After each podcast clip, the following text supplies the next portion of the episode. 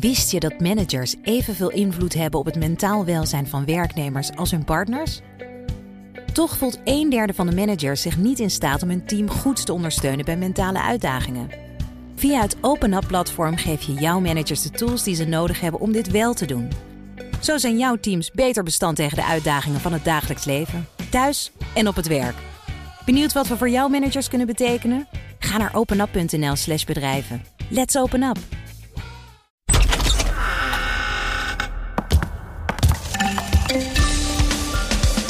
Wat zeg jij? Ik ga ervan uit dat mevrouw Den Haan zo netjes is geen zetelroof te plegen. Dat zei uh, Jan Nagel. Oh, vandaar dat zijn huilen uitbarsten. Het zou het kunnen zijn, ja. Ja. Oh, we worden gefilmd. We worden gefilmd, ja. Ja, je kan, je, kunnen we wat aan doen? Ik vind het eigenlijk verschrikkelijk. Maar ik moest gisteren ook nog bij de vijf uur show. Vond ik ook eigenlijk, vind ik eigenlijk ook verschrikkelijk. Ik had ook helemaal niet mijn mooie jas Band loopt, aan. hè? Oh, de band loopt. Waarom vind je de vijf uur show eh, verschrikkelijk? Nee, maar dan, eh, ik had ook helemaal niet mijn jasje aan of zo, weet je wel. En eh, ik had ook niet, eh, kon mijn oortjes niet vinden. Dat moest dan via mijn mobiele telefoon op een stapel boeken met zo'n doos erachter. Waarvan ik dacht, oh, hij gaat omvallen. En dan live. Vreselijk televisie. Het is wel gaaf als je telefoon dan onderuit glijdt en je ineens het plafond filmt. Ja, dus daar word ik dan een beetje zenuwachtig van. Als je daar niet op bent ingesteld. Heb je niet een soort statiefje waar je hem in kan klemmen? Ja, ja, goed, dat moet ik dan even bij me hebben. Die, nee, die heb ik dan niet. en, en dan zeg- dan schreeuw ik tegen die mensen: Ja, eh, ik werk toch voor de radio? Gedoe allemaal. Ja, En dan zet gewoon je een foto in beeld. Ja, precies. Met leuke bewegende beelden van mevrouw Den Haan. Ja, die hadden ze ook. Ja, dan Ja. kan jij gewoon buiten beeld blijven. Nee, dus dat was weer eh, gezellig bij eh, SBS. Sophie van Leeuwen, dit is Nieuwsroom Den Haag. Ik ben. Mark Beekhuis. Het is vandaag vrijdag 7, mei. Vorige week zat ik nog met eh, Thomas van Groningen alleen. Eh, er zijn twee weken reces. En de ene week heeft hij vrij, de andere week heb jij vrij. Vorige week was een spannendere week die je hebt gemist. Oh, oh, vond je dat toen spannender? Hè? Nou, toen waren er... eh, elke dag was er een debat. nu was er de hele week maar één debat. En eh, op het moment dat de podcast uit zou moeten komen om 12 uur, 1 uur die kant uit, was er een persconferentie die per se mee moest. Ja, Dus eh, maar ga je mij nu eh, verwijten dat ik niet hard genoeg heb gewerkt deze week? nee, dat je pech hebt. Ik, ik zou, zou je trouwens vertellen. Ik, ik dacht, het is inderdaad reces. Eh, ik kan een beetje aan mijn huis gaan klussen. Maar Niets is eh, gebeurd. ik had ook een verhaaltje klaarstaan over de formatie. Van nou, hoe gaat het nu verder? Maar het was toch elke nacht wel weer een, eh, een brief van Hugo de Jonge. En nog een brief van Hugo de Jonge. Een relletje bij 50 plus. Of eigenlijk de explosie daarvan.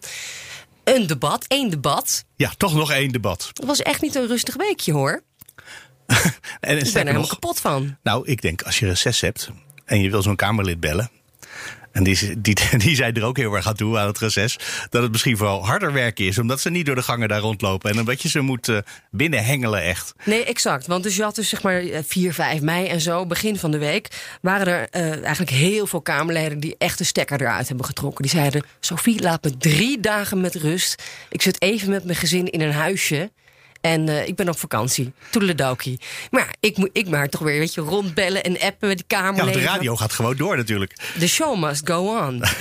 Dat was heel vervelend. en Dat was heel hard trekken en, en best En ook wel een werken. beetje gênant natuurlijk. Dat je dan iemand belt en je weet dat hij eigenlijk niet wil. Ja, en dan zijn ze eigenlijk heel beleefd. Vond ik nog wel. Ja, Sophie, Ja. Ja, nu echt even, even drie dagen niet. Dan mag je me dan zo rond het debat, weet je, mag je me weer bellen. Dus, eh, maar je krijgt altijd een paar mensen zo gek om dan toch op zender te reageren, hè? Er zijn altijd een paar mensen die het ook graag. En misschien vinden ze het ook wel leuk. Ehm, en misschien krijgen ze nu de kans die ze de rest van het jaar niet krijgen. Omdat we dan die andere eerst gebeld hebben. Oh ja, precies. Ja, dat je, als je dan helemaal onderaan mijn lijstje staat, dan. eh, ik hoop Oh, we, gaan dat ze dat even, horen. we gaan eens even kijken wie er van de week op de zender waren. Nee, maar het is natuurlijk heel logisch. dat Je begint met het bellen van de regeringspartijen. Die hebben met z'n viertjes nog steeds de meerderheid.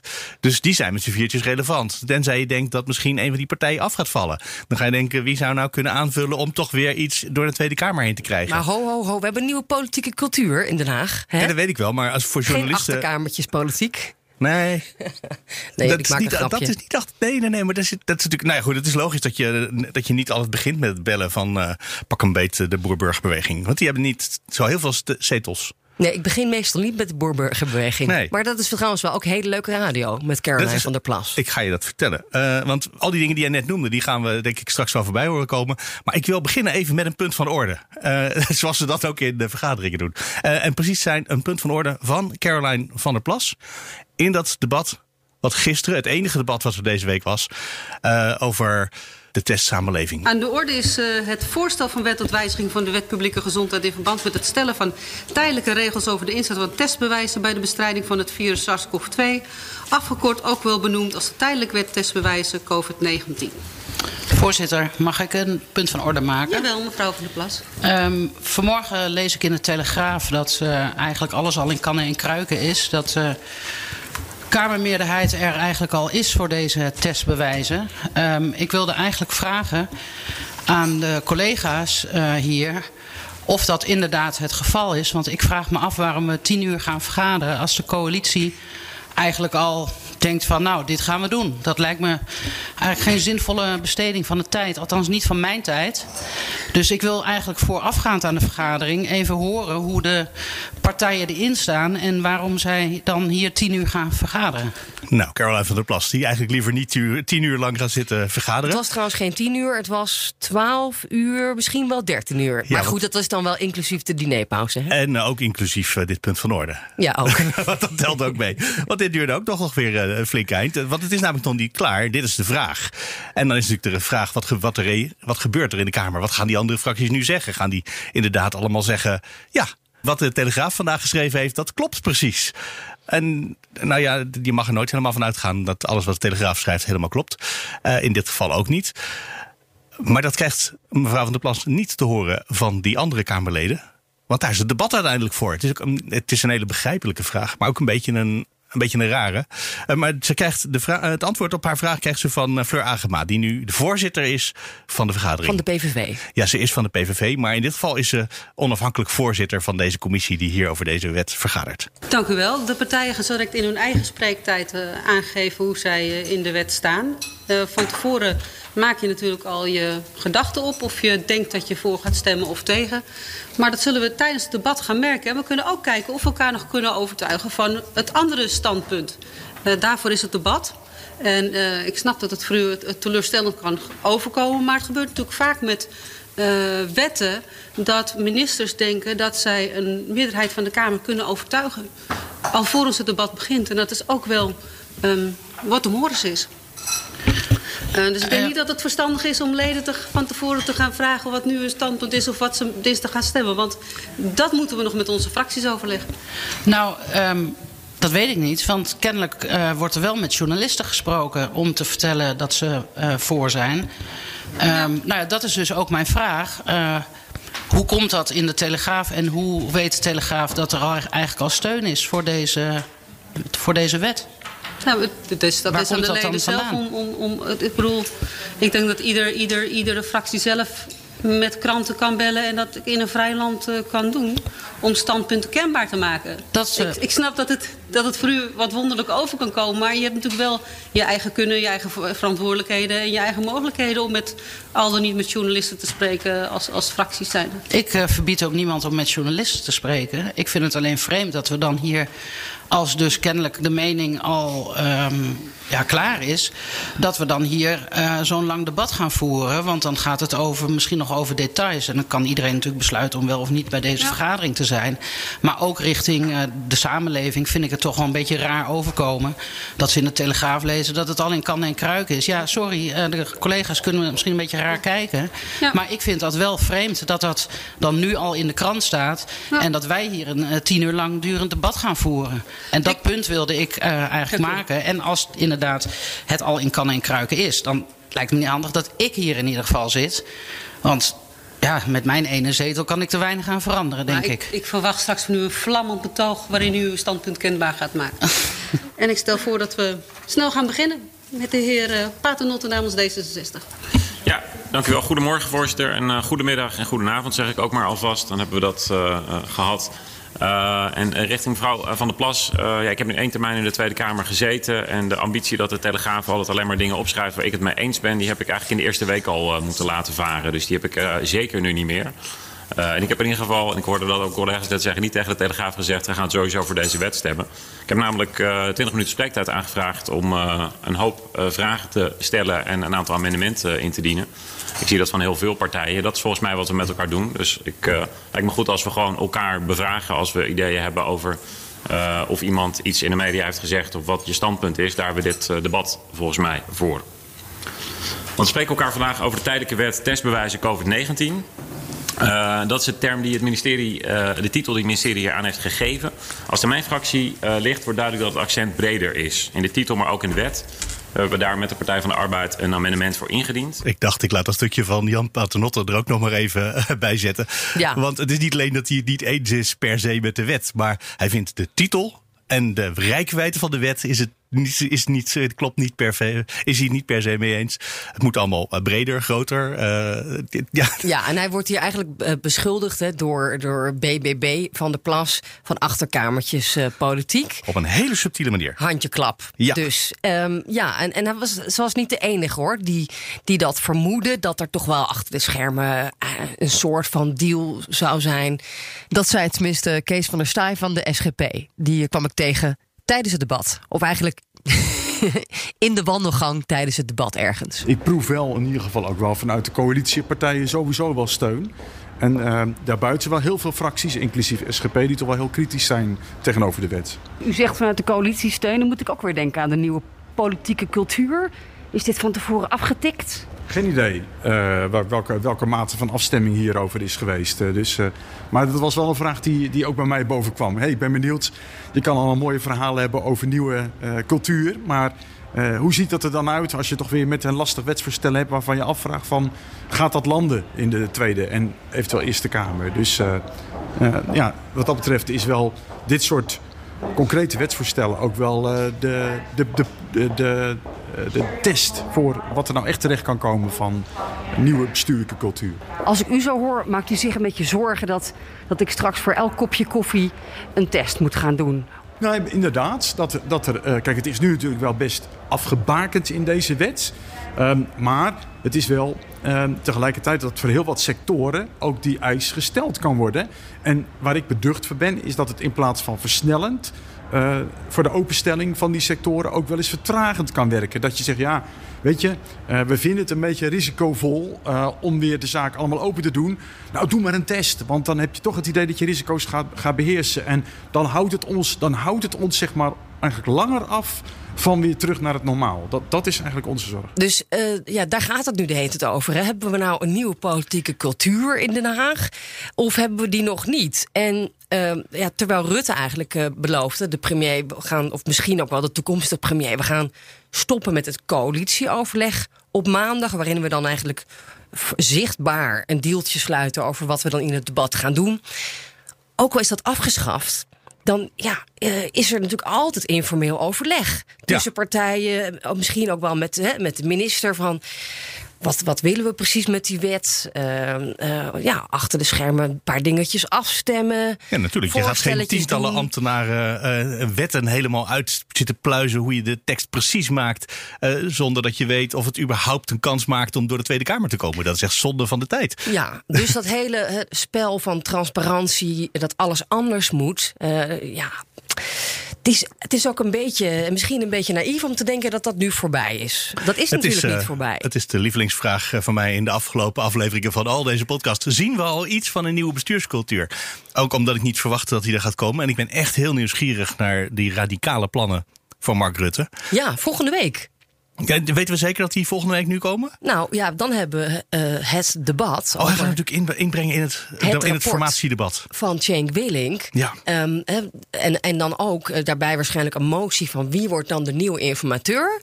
En dan zit Mark Rutte gewoon weer als leider van de VVD in de bankjes van de plenaire zaal in de Tweede Kamer. Ja. Precies, dit was waar Thomas van Groningen vorige week in de podcast zei. Hij was afgelopen week in het debat, Mark Rutte, als premier. En dan wilde hij niks zeggen over uh, nou ja, formatie, over zijn radicale plannen. Want dat zijn namelijk uh, geen premiersdingen, dat zijn fractievoorzitter van de VVD-dingen. Ja. En daar moesten we nog even op wachten, maar dat komt dan volgende week. Ik ben benieuwd wat voor radicale plannen hij nog meer heeft, behalve het coalitieoverleg afschaffen. Nou, vooral omdat we hebben natuurlijk ooit, ik weet niet of je het woord torentjesoverleg nog iets zegt. Dat is eigenlijk een beetje voor mijn tijd, heb ik het idee zelfs. Uh, Ja, dat- Maar dat is ooit afgeschaft en dat is binnen een paar weken weer teruggekomen in een andere vorm. En tegenwoordig hebben we dan dat maandagavond coalitieoverleg. We hebben ook wat maandag torentjesoverleg ook weer. Maar ja, misschien dat we dat dan nu ook weer gaan afschaffen. maar kijk, je kunt dus niet voorkomen dat mensen met elkaar ergens, al is het hè, telefonisch of ik heb geen idee hoe, overleggen van wat, wat spreken we met elkaar af met al die coalities. Of althans, hè, met, de bewindspersonen. Ehm, dat, daar ontkom je natuurlijk niet aan. Je kunt niet alles ehm, open in het debat, denk ik. ja, zo op die manier organiseren zoals Van der Plas het wil. Nou ja, dat is wel een teleurstelling, denk ik, voor veel partijen. Eh, in elk geval voor haar. En ze vindt het ook inefficiënt. Hè? Ze vond het zonde van haar tijd. En eerder deze week was ze ook hier in de uitzending bij BNR. En toen zei ze, ja, al die, al die debatten zoals dat loopt nu... met dat 17 keer mensen hetzelfde zeggen... als we dat nou gewoon niet meer doen... iemand heeft iets gezegd, dan mag je daarna iets anders zeggen... eh, iets toevoegen, maar je mag niet herhalen wat er net al gezegd is. En wat is nou uw grootste frustratie tot nu toe in het Kamerwerk, voor wat u nu heeft gezien? Nou ja, kijk, ik, ik vind dat die debatten ehm, en die vergaderingen, die duren gewoon echt hartstikke lang. Ik heb vorige week een wetgevingsoverleg gehad, die duurde 10 uur. Het debat vorige week duurde 14 uur. Ehm, dus ik denk dat kan allemaal wel iets efficiënter en iets effectiever. Ehm, ja, u zei het al in de, in, in intro. eh, als een bedrijf op deze manier zou werken, dan was het hartstikke failliet geweest. Dus ehm, ja, ik denk dat het efficiënter kan. Bijvoorbeeld door als je een inbreng eh, gaat doen in een debat. Hè, dan bereid je je inbreng voor en dan heb je wat vragen aan het kabinet. En vervolgens gaan alle 17 partijen zo'n beetje dat allemaal herhalen wat er al is gezegd. Dus ik dacht van, zou het niet zo kunnen zijn dat we afspreken dat, um, nou ja, Kamerlid A, die het eerste is met de inbreng, die stuurt het rond. Nou, dit is mijn inbreng. Dat alle andere Kamerleden alleen nog maar daarbovenop iets kunnen doen. Dus niet weer het helezelfde verhaal. Alleen maar als je, een daarbovenop nieuw, dus als je, al- alleen als je iets nieuws hebt, mag je dan dat aanvullen. Ja. Dus precies. Een bedrijf zou je failliet aangaan. Ja, aan de democratie, ja. En dat is de reden natuurlijk ook dat we het niet bij het bedrijfsleven hebben ondergebracht, dacht ik toen. Want Ja. is, je, je moet toch, iedereen moet toch kunnen zeggen: ik ben het eens met dit punt. En ik vind het belangrijk. Want als je namelijk 17 keer hoort: ik ben het hiermee eens. Dat is heel iets anders dan wanneer één iemand met een paar zetels zegt: ik vind dit. Eh, Ja. De, de, toch de, de overmacht. Als het steeds herhaald wordt, dan moet zo'n regering op een goed moment iets mee. Ja, en er zijn natuurlijk eh, eh, ontzettend veel vragen gesteld. Ook in het, debat over de, de testen en hoe gaan we de boel weer opengooien.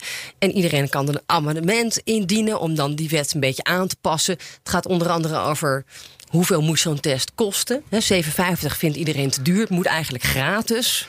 Ook na de Vinden zomer. sommige partijen in elk geval. Nou ja, daar lijkt een meerderheid voor te zijn. Wordt dan misschien 5 euro. Nou ja, we, maar als er een meerderheid is voor gratis, waarom gaat het dan 5 euro kosten? nou ja, goed, daar, daar wil Hugo de Jonge nog niet helemaal uitsluitsel over ge- geven. Of hij die motie dan ook echt gaat uitvoeren. Mhm. Maar de testen wordt sowieso goedkoper, dus het wordt goedkoper. Nou, dat, dat wordt volgende week pas over gestemd, hè? Ja. En ehm, we hebben een amendement van... eh, ja, het team Pluimvee. Dat is, eh, werd gisteren geïntroduceerd. Dat is Adje Kuiken van de PvdA. En eh, Liliane Den Haan, eh, ex 50 plus Ja, de groep inmiddels. Den Haan nu, hè? Dus dat was de bedoeling van de, eh, het kamp Pluimvee in dit geval. Maar ik denk niet dat we het daarover eens worden. Maar ik maak een afweging. Ik snap hem hoor. Ik snap hem heel goed. Uh, De groep Den Haan, die was er gisteren niet wegens eh, omstandigheden. Eh, toen was nog niet bekend trouwens dat ze zou aftreden. Nou, of- aftreden of- is eh, af- afgesplitst, hè? Ja. Afsplitsen, excuus. Um, maar, Dat is die één, eh, die, eh, één partijzetel, eh, wat is het, die één zetelpartij die toch een afsplitsing van zichzelf mogelijk wist te maken. Ja, knap hè? Ja, Ja. dat is echt heel knap. Maar ook wel heel tragisch. Maar daarover zo meer. Maar goed, dat, ja, dat, dat amendement gaat bijvoorbeeld ook... dat is toch wel een belangrijke inbreng... Waar, waarover gestemd gaat worden. Doe dan die verplichte test alleen... eh, voor ehm, ja, de evenementenbranche, voor de grote festivals. En niet voor bijvoorbeeld je kopje koffie of je biertje in de horeca. eh, of iets dergelijks. Ja, Da- en dat, is toch ook, dat klinkt ook heel redelijk. Dat je dan niet 7,50 of 5 euro moet betalen om voor 2,50 een kopje koffie te gaan drinken ergens. Dat is uit verhouding. Vol- Volgens de Jong is het trouwens allemaal een misverstand. Allemaal die zorgen. Dit is alleen maar nodig om even tijdelijk een beetje de boel iets meer open te gooien. Dat je van die anderhalve meter samenleving af kan. En dan vanaf de zomer is het alleen voor festivals, is het idee, hè, En voor is dat, eh, evenementen. is dat net zo tijdelijk als de avondklok die we twee weken zouden hebben? Ja, dat is dus het probleem. We weten niet... Deze regering is wat dat betreft totaal onbetrouwbaar. Ik, normaal hou ik niet, ja, ik gebruik vaker grote woorden, maar Ja. grote woorden. En Maar in dit geval klopt het ook echt. politieke cultuur. Ik vond ook wel Hugo de Jonge met- qua lichaamstaal. Hij, hij deed een beetje zo deemoedig. Ik vond hem wat, ja, hij wat, wat vriendelijker en opener en, en eh, aardiger zo- eh, bij momenten. Wel vriendelijker, ja, maar inhoudelijk gaf hij niets toe. De Nee, toon van zijn stem was maar hij, anders. hij probeert, ja, hij moest, hij moest hun vertrouwen winnen. Je probeert ze toch weet je, mee te nemen in, in die tijdelijkheid. En dat het allemaal niet de bedoeling is om jullie verder te beperken. Maar het is Mhm. juist om jullie meer vrijheid te geven. Maar alles hangt natuurlijk af van wat de pandemie doet. Of we straks met mutaties zitten. Of er veertigers op de IC liggen. Nou, dat En is zo. Dat is al zo. We weten het gaat heel slecht in volgens mij Zuid-Amerika, Zuid-Afrika, India. Er zijn er al mutaties in Nederland gesignaleerd. Dus we weten niet of dat inderdaad dan eh, eh, ook voor bijvoorbeeld je restaurantuitje is opgelost deze zomer. Geen er idee. Wel voorstellen toch om er gewoon een harde einddatum aan deze wet eh, te maken? Ja, en dat is dan dus drie maanden, tijdelijk. Maar dan, en dan moet Hugo de Jong op zijn knietjes naar de Tweede Kamer... van mag ik hem alsjeblieft verlengen? Ja, en als hij Want- dat vraagt, dan kan de Kamer alleen maar ja zeggen. Want hoeveel opties heb je?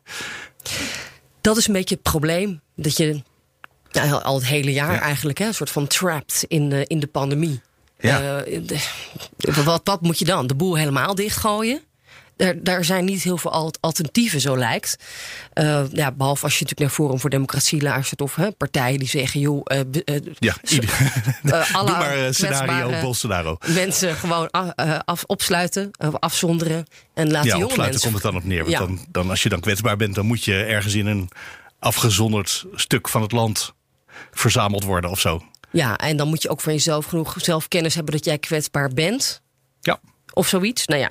Ehm, dus ja, hij probeert dat te verkopen. Nou ja, het wordt nog over gestemd volgende week. Maar ik, ik denk eh, Ja, de dat, dat, Telegraaf dat, heeft hier vast gelijk, hè? dat daar gewoon een groene, groen licht, een klap op komt. En dan zullen we zien of die dan gratis wordt, die test. Dat zou toch wel aardig zijn, denk ik. Dat, dat zou de, de pijn verzachten voor je kopje koffie. Ja, voor als je je een- festival, Ja, hè? precies. Nee, en ik ben ook echt heel erg nieuwsgierig of het überhaupt gaat werken in de praktijk. Ik bedoel, sowieso hebben we tot nu toe niet zo'n heel goed trek- trackrecord met al die COVID-wetten. eh, hoe die in de praktijk uitpakken en de teststraten en de invaccinatieprogramma's. Het loopt allemaal niet zo vanzelfsprekend. En de corona-check-app, hè? nou, we en- krijgen ook een, een QR-code, ook om te gaan reizen, hoorden we deze week. eh, als, Ja. als, als dat gaat Oh. werken. Ja. En om misschien eh, Maar uit te gaan. zelfs een, een, een, weekje, of een, een dagje naar de Efteling. Dat ging niet door, omdat mensen het toch niet wilden onder de voorwaarden van het Field Lab experiment. Dus zouden mensen dan straks echt naar een teststraat gaan eerst om daar, zelfs al is het gratis, zo'n prik in je neus te krijgen eh, met zo'n stokje? Ja, dat is het grote angst. En, en, en, Nou, dan zit je terecht met je extra bezwaar. mogelijkheden. Ehm, eh, dus dus ga, ga jij naar de dierentuin inderdaad. Dat blijkt dus dat mensen dat niet doen. a- a- Als de drempel zo hoog is. Dat valt echt tegen voor je inkomsten. Maar dan is de vraag, wat is het alternatief? Ja, dus dan niet testen. Dat is eigenlijk hè, wat, je, wat je dan zou kunnen voorstellen. Of misschien eh, GroenLinks kwam volgens mij met sneltesten aan de deur. Kan het dan drempel verlagen? Kan het dichtbij? Ehm, eh, ik heb geen idee of dit, eh, of dit gaat leiden tot een grotere omzet eh, bij die branche. Ik, ik vrees van niet. Nee, dat is niet waar de regering mee bezig is in elk geval. Want die willen gewoon die standaard tests en dat je daarna een of andere QR-code meekrijgt.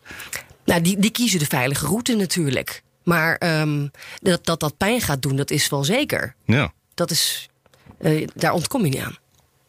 Het is eh reces, daar begonnen we net al mee. Eh, Ja, het voelde er- niet zo. Nee, maar werd er eigenlijk wel gewoon doorgeformeerd. We, volgende week hebben we het debat over het rapport van Cenk Willink.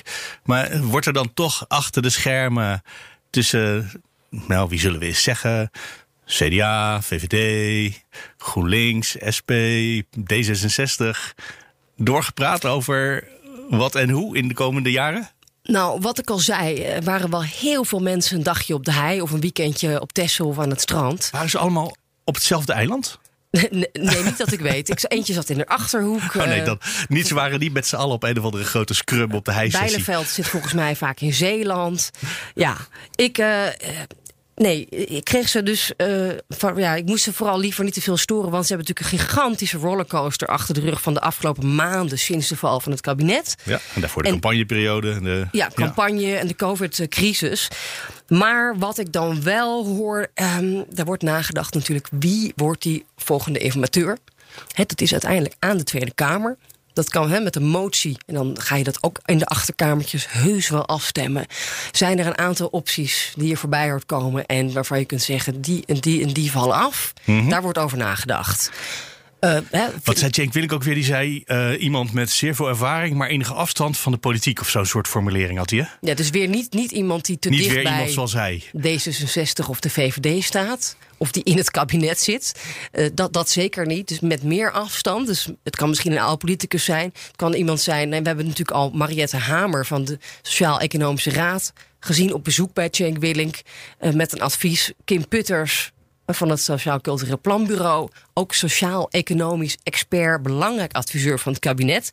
Die namen gaan, voorbij. Of toch een CDA om dan eh, op, op Koekstraat er nog eventjes uh, bij te slijmen bij het nieuwe kabinet. Daarbij te slijmen. Uh, dan kun je denken aan uh, typje als... We hebben god, Jan-Peter Balkenende. Ik weet niet of die heel erg sociaal-economisch is. Want die is volgens mij... Uh, die, die is in de duurzaamheid en de consultancy terechtgekomen. Ja, dus... Wel heel belangrijk. Energietransitie, hartstikke nuttig dat iemand daarmee bezig is. Maybe. Of misschien nog een andere oud CDA uit de kast trekken. Ja. Voor ex-raad van State. Nou, noem er eens een. Ja, ik heb even geen uh, CDA'ers paraat. Er zijn er altijd heel veel. Maar, uh, maar dus zo iemand uh, zou Herman kunnen zijn. Wijfels. Herman Wijfels. Ja. Ach, natuurlijk. Heeft ook goede papieren.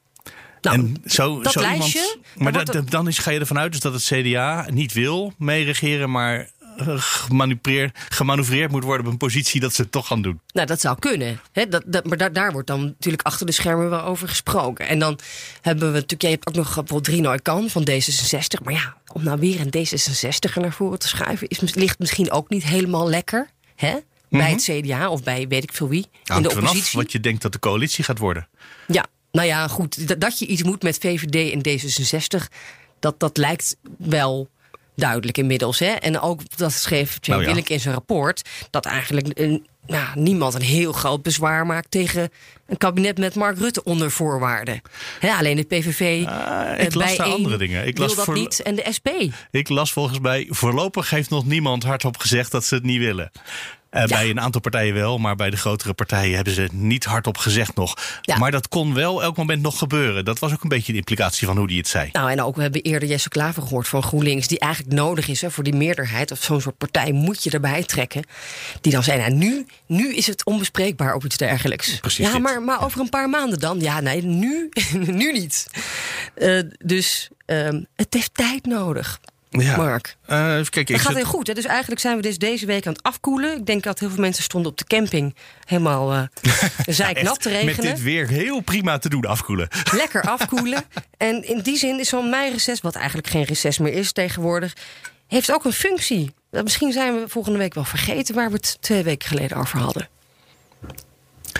Nou, over het eh, verdwijnen in het geheugen in Nederland. eh, zullen we het over eh, andere me- tijden hebben? Staat me niets van bij. Ja, andere tijden, ja. Andere tijden moet onze. blijven. Ja. ja, daar kunnen we de rest van het uur ook bij voorpraten. Laten we dat niet doen. Wat zullen we doen? 50 plus? De groep Den Haan? Oh, dat ook het nog. rapport.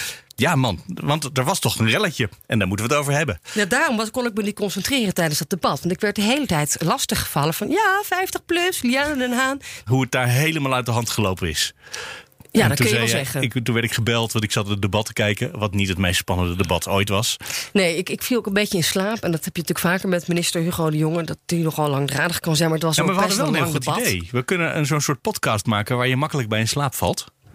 Met gewoon alleen maar quotes van Hugo de Jonge en andere politici. Ja, dat doen we dan tijdens het volgende reces. Ja, precies. En dan acht weken lang. En voor mensen die moeilijk in slaap komen, dan kan je gewoon altijd gewoon de hele nacht kan je naar Hugo de Jonge langzaam in slapen. Dat is allemaal eh, heel belangrijk. Kijk, mijn, mijn zorg is dat de nadelen hiervan eh, niet eh, opwegen eh, dan tegen de voordelen. Of althans, de voordelen niet opwegen tegen de nadelen. Zo moet ik het eigenlijk zeggen. Want als je eh, dit zou doen, dan zou je daarmee dus voor deze groep eh, een uitzondering creëren die zich ook weer moet laten controleren. En in de controle van die uitzondering is nodig dat een arts eh, een, een brief gaat schrijven, een verklaring gaat schrijven. Ja, dus ik was een beetje zo in slaap aan het dommelen. En, uh, ja, en toen ging pliep, pliep, alle alarmbellen af. Liliane Den Haan, ja, weg, 50 plus crisis. En uh, nou, uit, uiteraard meteen de redactie van BNR aan de lijn. En, uh, oh ja, en de vijf uur show. Wij hadden elkaar aan de lijn op dat ogenblik. Oh, ja. Ik moet ophangen, want de radio wil me nu. Ja, dat is dan best wel irritant. Dan word je helemaal uit het, uit het debat gehaald. Helemaal uit je concentratie. Nou, vervolgens... Uh, ja, toeters en bellen. Um, heb ik haar geprobeerd te bellen natuurlijk. Ik had wel de woordvoerder aan de lijn. Die echt zei van nou ja, we zijn helemaal kapot, helemaal kapot gemaakt. En uh, um, ja, de, we kunnen niet anders dan opstappen. Dit is onwerkbaar geworden. Henk Krol gesproken. Die vond het allemaal diep triest. Uh, Nagel nog even geprobeerd. Die, die riep natuurlijk zetelroof. Ja. Ja. Wat was nou uiteindelijk de reden dat ze niet meer met elkaar verder konden? Want ik zal het je zeggen, ik heb op zich wel de leeftijd voor 50 plus inmiddels. Maar het is toch een beetje een blinde vlek voor me. Want ze zijn ook, nou ja, we zeiden net al, je begint niet met het bellen van de boer-burgerbeweging als je wil weten wat de belangrijkste beslissingen de komende week worden. Maar dat geldt ook een beetje voor 50 plus. Het is niet voor, hè, dus ze zijn nooit zo heel erg groot geweest. Ja, nou ja, het, het, begon eigenlijk natuurlijk al helemaal mis. Uh, het ging helemaal mis in, in die campagne. Eigenlijk, omdat 50 plus is eigenlijk een partij die Um, dat is een soort van symbool voor stoppen met werk op je 65ste. Mm -hmm. Dat is zeg maar het main issue van die partij.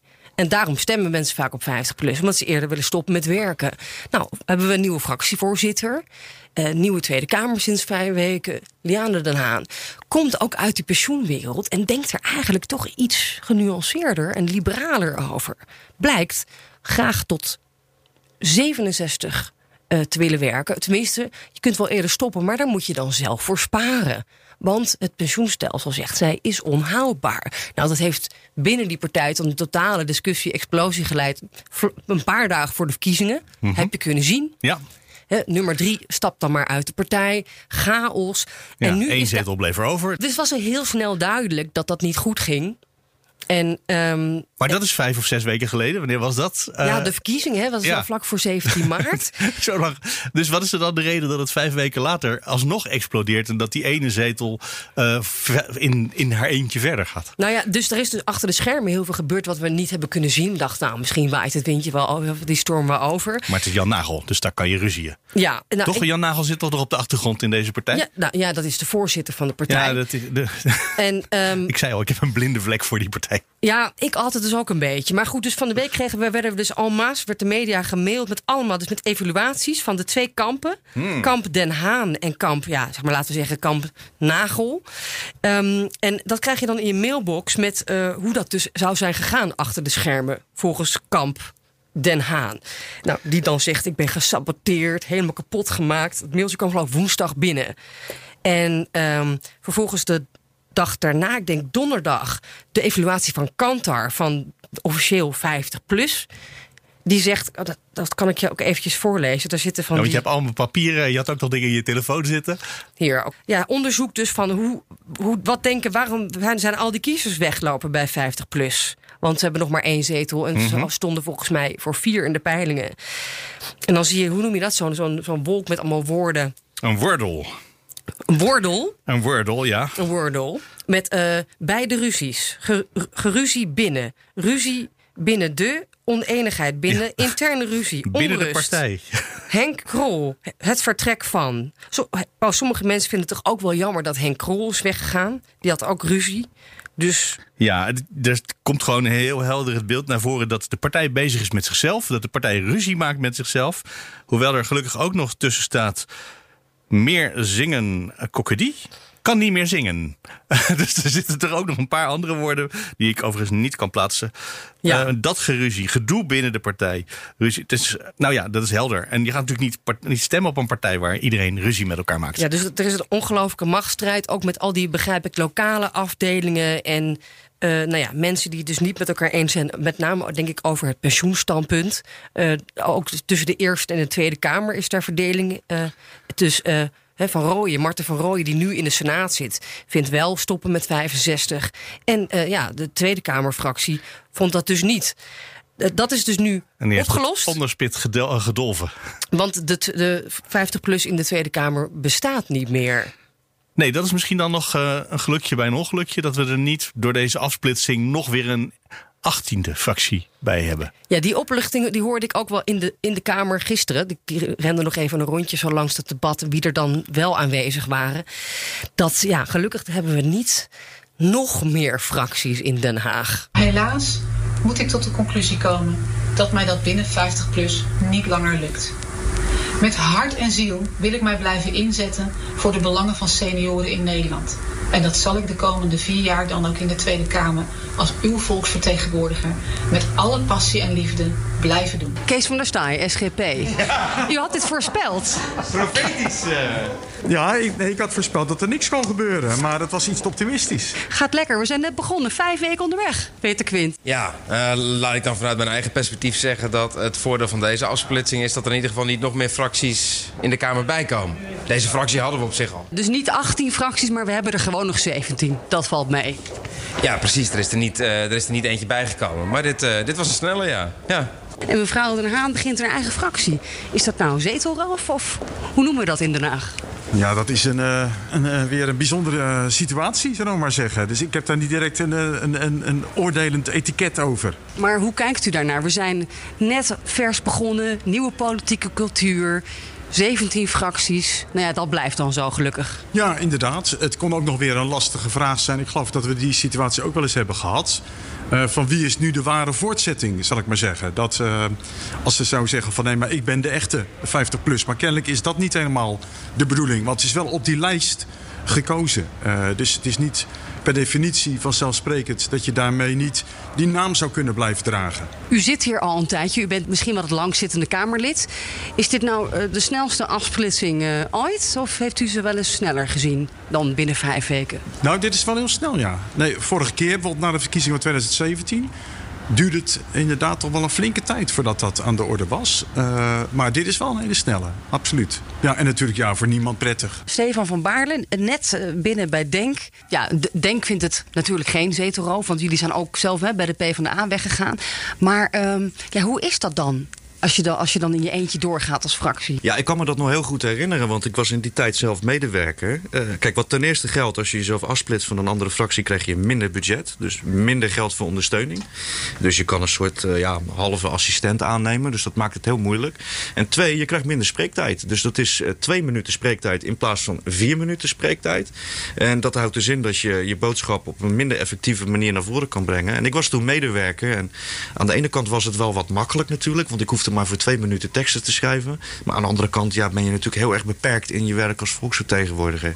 Dus ja, het, het is moeilijk voor haar. Eerste afsplitsing eh, nu eh, na vijf weken. Eh, gaan jullie het een beetje rustig houden bij Denk dit keer? Nou ja, we, hebben het, we hebben het altijd relatief rustig gehouden. We hebben inderdaad een wat moeilijke periode gehad vlak voor de zomer. Maar dat hebben we netjes opgelost. En wij met z'n drieën kunnen lezen en schrijven met elkaar. We zijn echt dikke maten. Dus dat komt goed. SGP, eh, alles eh, rustig en kalm. Gelukkig wel. Eh, Er is eh, nog eh, in geen honderd jaar een afsplitsing en dat houden we graag zo. Omdat ik de toekomstige en de huidige 50-plussers een krachtige stem wil geven in de Tweede Kamer. En je hoort ook wel leedvermaak hè, van die andere partijen toch wel. Want die hopen natuurlijk dat die. Ja, dat ene zeteltje, maar goed, de, de- die Ja, ouderen. in potentieel, in potentieel dat ze dat, dat toch hun kant op waait. Hoewel, ja, Nou ja, dat kan ziet. toch ook? Is er een, een overlap, denk ik, tussen de SP bijvoorbeeld, waar we Peter Quint van hoorden, Zeker. en 50 plus. Zeker, maar een toch. overlap misschien ook met je- de SGP, van de conservatievere deel van 50 plus. Ja, maar, maar als je kijkt naar de verkiezingsuitslag, hebben die partijen nou ook niet per se, lijkt hè, heel erg geprofiteerd van het instorten van 50 plus, van, van 4 naar 1. Want eh, de SP heeft negen zetels, PVV kan ook profiteren. Nou, misschien hè, dat het daarheen gaat. Heeft er 17, stond ook op verlies. Ehm, SGP stabiel op drie. Dus ik vraag me wel af, waar, waar gaan die zetels dan naartoe? En misschien wil die achterban wel echt stoppen op 65 jaar. Of is er een deel die zegt, nou ja, ik, ik begrijp dat ik moet sparen... om op mijn 67ste met pensioen te kunnen. Dat is ook een goede vraag, denk ik. En da- dat gaan we over een jaar of vier, of misschien al wel eerder, bij de volgende verkiezingen vanzelf weer eh, meekrijgen. Gaan ze door? Spannend. Ja, want eh, had je het idee dat 50PLUS zich nu een beetje gewonnen geeft? Nou We hebben nog eh, iets in de Eerste Kamer zitten, dat is dan wel belangrijk. Maar de Nou. Tweede Kamer, daar bestaan ze niet meer. Eh, nou, ik denk eh, dat, de, dat ja, de AOV is morgen, geloof ik. Hè? Dus voor dit weekend komt er een nieuw bestuur. Of misschien hetzelfde bestuur. Of dan gaat er iets gebeuren. En ik hoorde ook trouwens Henk Krol op zender bij ons zeggen gisteravond. dat eh, hij eventueel ook nog wel beschikbaar is voor een, ja, een nieuwe toekomst. mits 50PLUS nou eindelijk gaat hervormen. En dat betekent al die lokale afdelingen opheffen. En dan gewoon een soort centraal bestuur. En geen ehm, revolutie de hele tijd. Dus het is ook niet uitgesloten dat we Henk Krol nog terugzien bij de volgende verkiezingen. En betekent dat dan ook dat Jan Nagel er weer uit moet? Want eh, ja, er was altijd zo'n eh, adagium waar Jan Nagel is, is ruzie. Ja, zolang hij blijft, blijft En het dat ruzie. hebben we nu weer gezien. Ja. Dus is, dat- is dat iets waar je een krol nog over gehoord hebt? Of Nou, heeft hij het daar niet over gehad? Nee, hij heeft heel veel bewondering voor, eh, zegt hij, hoe Henk Nagel de boel bij elkaar heeft weten te houden. Vraag niet hoe. Maar eh, hij is niet per se eh, een vijand van. Van Nagel. En, en hij, is, hij is ook best wel kritisch hoor op dat standpunt van doorwerken naar je 65ste of er zelf voor sparen. Dus misschien dat, dat Krol en Nagel nog wel op een deeltje zullen sluiten. Het zou zomaar kunnen. Ja. Dat zou echt een fascinerende ontwikkeling zijn. Dat zou wel weer een leuk verhaal zijn Ja. voor ons. En, ehm, ja, en verder is het natuurlijk voor, voor Den Haan... wordt het wel, ja, ook naar die, naar die achterban van die... ze zegt, ik blijf voor de ouderen, want ik ben gekozen... en ik, ik wil jullie blijven bedienen. Maar zij komt bij de ANBO vandaan, toch? Dus de oudere bond. Ja, dus je had ook wel een beetje kunnen zien aankomen volgens mij. Is, zij heeft al eerder natuurlijk gesproken over... wat moeten we met het pensioenakkoord en uh, Ja, daar heeft ze aan mee onderhandeld waarschijnlijk. Ja. En dat Dus- eh, pensioenakkoord zegt echt iets heel anders dan het 50-plus-programma. Ja, dus, dus Fascinerend eigenlijk dat ze überhaupt daar in die partij heeft, eh, een plek heeft gevonden. Ik begrijp het ook niet helemaal. Dat, vanaf het begin af aan is het al een heel raar verhaal. Maar goed, dus, dus het gaat ook om leiderschap natuurlijk. Hè? En over in, Ja. en, en, en interne verdeeldheid. En ja, iemand moet daar de regie pakken. Natuurlijk zijn er heel veel mensen met heel veel meningen. Ja, dat heb je altijd. Ja. Dus, eh, sterker, ik begreep dat ze ook in het verleden in een gemeenteraad voor D66 gezeten heeft. Dat zag ik ergens in de Twitter-timeline en heb ik niet gecheckt. Dus misschien is het grote fantasie. Maar stel je nou eens voor dat ze zegt: Weet je wat? Het beste voor de ouderen is als ik gewoon weer D66 gedoogsteun geef. Dan kom je voor een nieuwe regering uit met VVD, GroenLinks, D66, PvdA, gedoogsteungroep Den Haan. Heb je CD, de, eh, CDA niet meer nodig? Wel 76 zetels. maar ja, dat li- Eh, lijkt mij een onwaarschijnlijk scenario. Het is volledig maar- onwaarschijnlijk. Maar ik vind het wel grappig hoe zo'n klein stapje dat één iemand uit de partij stapt. Waardoor eh, eigenlijk de verdeling in de Kamer helemaal niet verandert. Maar het geeft wel de vrijheid om voortaan te zeggen: oké, ik doe gedoogsteun eh, D66. Eh, Dat hebben we ook gezien welke dat dat een hele andere regering mogelijk maakt. Het chaos, het stapje ook toch na het vertrek van Wieberen van Haga bij de VVD. Het heet nu Forum, maar toen nog even alleen. Dat heeft ook voor heel veel gedoe gezorgd. Omdat toen opeens nog maar 75, 75 er geen meerderheid meer was voor de coalitie. Ja, dus altijd één moest er persoon- even ergens iemand eh, gevonden worden voor de meerderheid. als je iets door de Kamer wilde halen. Ja, en dat heeft geleid tot het staken van de stemmen heel vaak. Nog onder Ariep, de vorige Kamervoorzitter. Dus je hebt wel gelijk, dat één persoon kan het verschil maken. Oh, nog één dingetje over Den Haan. Want ja, dus die, die is dan de, eh, dus afgesplitst en die krijgt straf.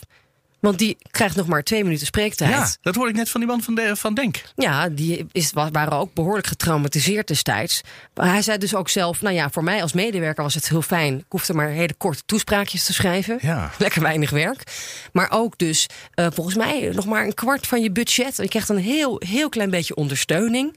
Ehm, je Dat moet is bijna raar, toch? Want er zijn mensen doen. die hebben gestemd eh, op mevrouw Den Haan. Op 50 plus. Ja, oké, maar dat staat niet in de wet. In de wet staat dat je op een Kamerleden, daar, daar komt het hele woord eh, eh, partij toch niet in voor in de grondwet. En daar, daar gaat het toch over zonder last of ruggespraak. Dus Ja. je zit op je eigen. Dat is ook de reden waarom ze die zetel mag houden. Of, ze, of mag zeggen: hij is voor de partij, ik laat hem achter. Ja. Eh, maar dat doet ze, dus die zetel is van haar. ja, dat vindt zij. Maar dat vindt eh, ja, dat Jan vindt de wet. niet. Nee, maar goed, dat vindt de wet. Klopt. Ehm, dus de wet staat op het ogenblik aan haar kant. En dan zegt de Tweede Kamer: ja, die zetel is van jou, maar je mag hem niet gebruiken of niet zoveel als wij. Dat is toch, dat is toch een raar soort ondemocratische regeling in de Tweede Kamer? Ja. Of is dit heel logisch? Nou, dat is, ik moest het even, even bekijken, opzoeken. Maar een paar jaar geleden hebben ze dat afgesproken. Hè? Eh, Omdat er zoveel afsplitsingen zijn geweest. En nou, dus Denk is er ook eentje van. Hè? Nou ja, Krol heeft zichzelf ook af, afgesplitst. En hup, een nieuwe partij. Ook alweer niet. Nog een keer afgesplitst. Dus het idee is.